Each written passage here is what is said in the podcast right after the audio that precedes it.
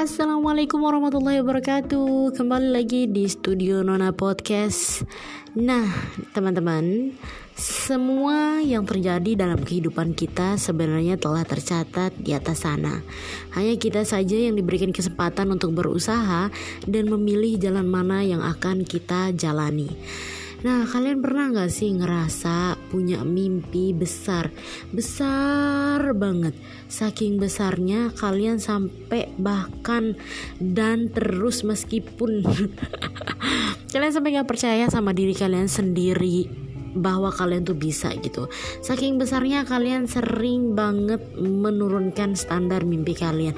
Saking besarnya kalian sampai tidak percaya bahwa itu bisa digapai gitu. Tapi sebenarnya kalau dilihat dari cerita-cerita orang sukses, semua orang di buka bumi ini pun punya mimpi, tapi hanya beberapa orang yang punya mimpi besar. Artinya nggak semua orang di dunia ini punya mimpi besar di luar dugaan, di luar area dan di luar wilayahnya dia. Mungkin beberapa orang punya mimpi sesuai dengan daerahnya. Contoh, kalau misalnya kita tinggal di sebuah wilayah di mana wilayah tersebut banyak banget tentaranya, banyak banget polisinya, atau banyak banget pejabat negaranya.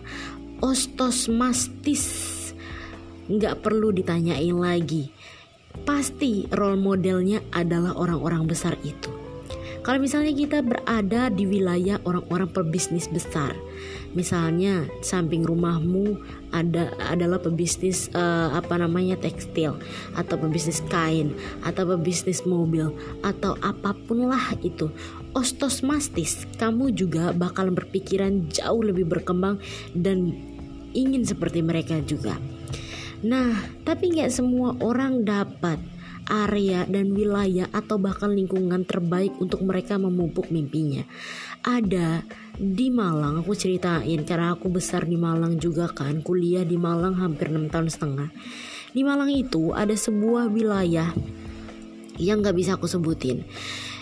Itu tuh wilayah khusus pengemis semuanya pengemis jadi dari beberapa cerita yang aku dengar bahwa beberapa pengemis di, di kampung itu mereka sudah pergi haji berkali-kali dan umroh berkali-kali hanya dengan hasil mengemis dan otomatis juga anak-anak yang lahir di sekitar itu yang tumbuh di area itu otomatis pasti punya pemikiran yang sama seperti orang-orang sukses di daerahnya Nah, kenapa aku bisa bilang kayak gitu?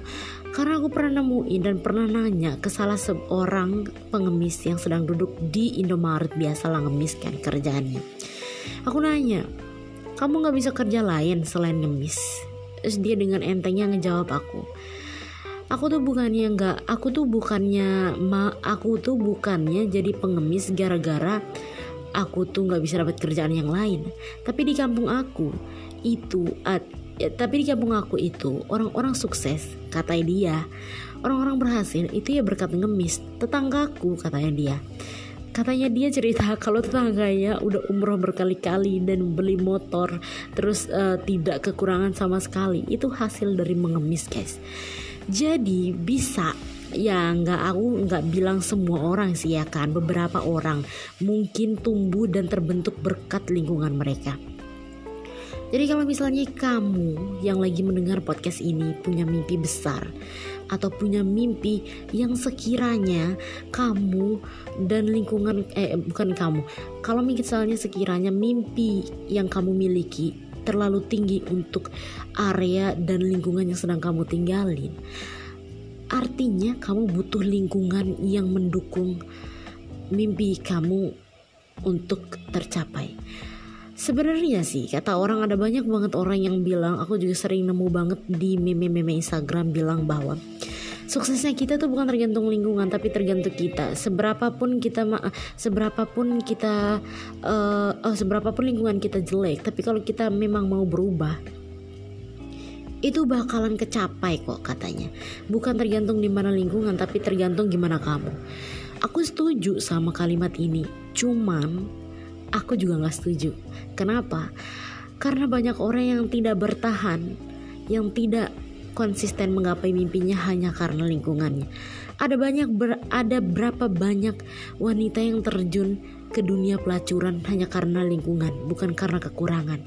Ada berapa banyak laki-laki yang ngerokok hanya karena lingkungan, bukan karena kemauan. Jadi sebenarnya pinter-pinter jaga lingkungan, pinter-pinter jaga diri. Toh pun seberapa rajin dan seberapa bersaingnya lingkungan kita, tapi kalau kita males, kita pun nggak akan bisa dapat apa-apa. Balik lagi ke diri kita, ya kan? Nah, aku juga mau cerita. Aku mau juga mau kasih beberapa tips buat kalian. Aku juga hari ini juga masih perjalanan untuk menggapai mimpi-mimpi aku. Kalau misalnya kalian punya mimpi besar, aku saranin kalian rangkai mimpi besar kalian menjadi rencana-rencana sederhana yang bisa kalian lakuin setiap hari dengan tinjauan tahap per tahap. Jadi kalau misalnya kalian nih, misalnya nih, misalnya bermimpi punya rumah besar atau pengen punya mobil uh, Mercy atau BMW atau apalah gitu yang besar gitu ya.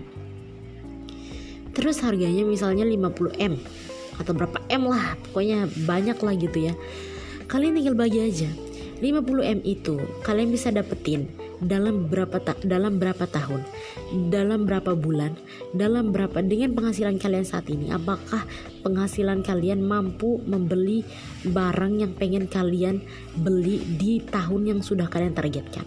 Kalian tinggal kalian tinggal rangkain aja kalau misalnya kalian punya gaji 5 juta pengen beli rumah dengan harga cash seharga misal 2,5 m udah tinggal tinggal tinggal apa namanya tinggal dirangkai aja tinggal dibagi-bagi aja kamu harus dapetin berapa tabung berapa terus harus lipetin duit kamu biar dapat rumah itu kayak gimana jadi pinter-pinter kita sebenarnya nah so buat kalian semua yang lagi melakukan ah menggapai mimpi, sedang berjuang atau bahkan hari ini lagi terpuruk di kamarnya menangisi kegagalannya.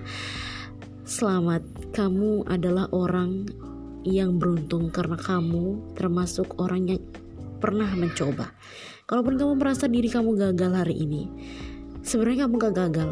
Kamu hanya sedang diuji untuk lebih kuat menghadapi keberhasilan kamu. Karena orang-orang sukses bukanlah orang-orang lemah.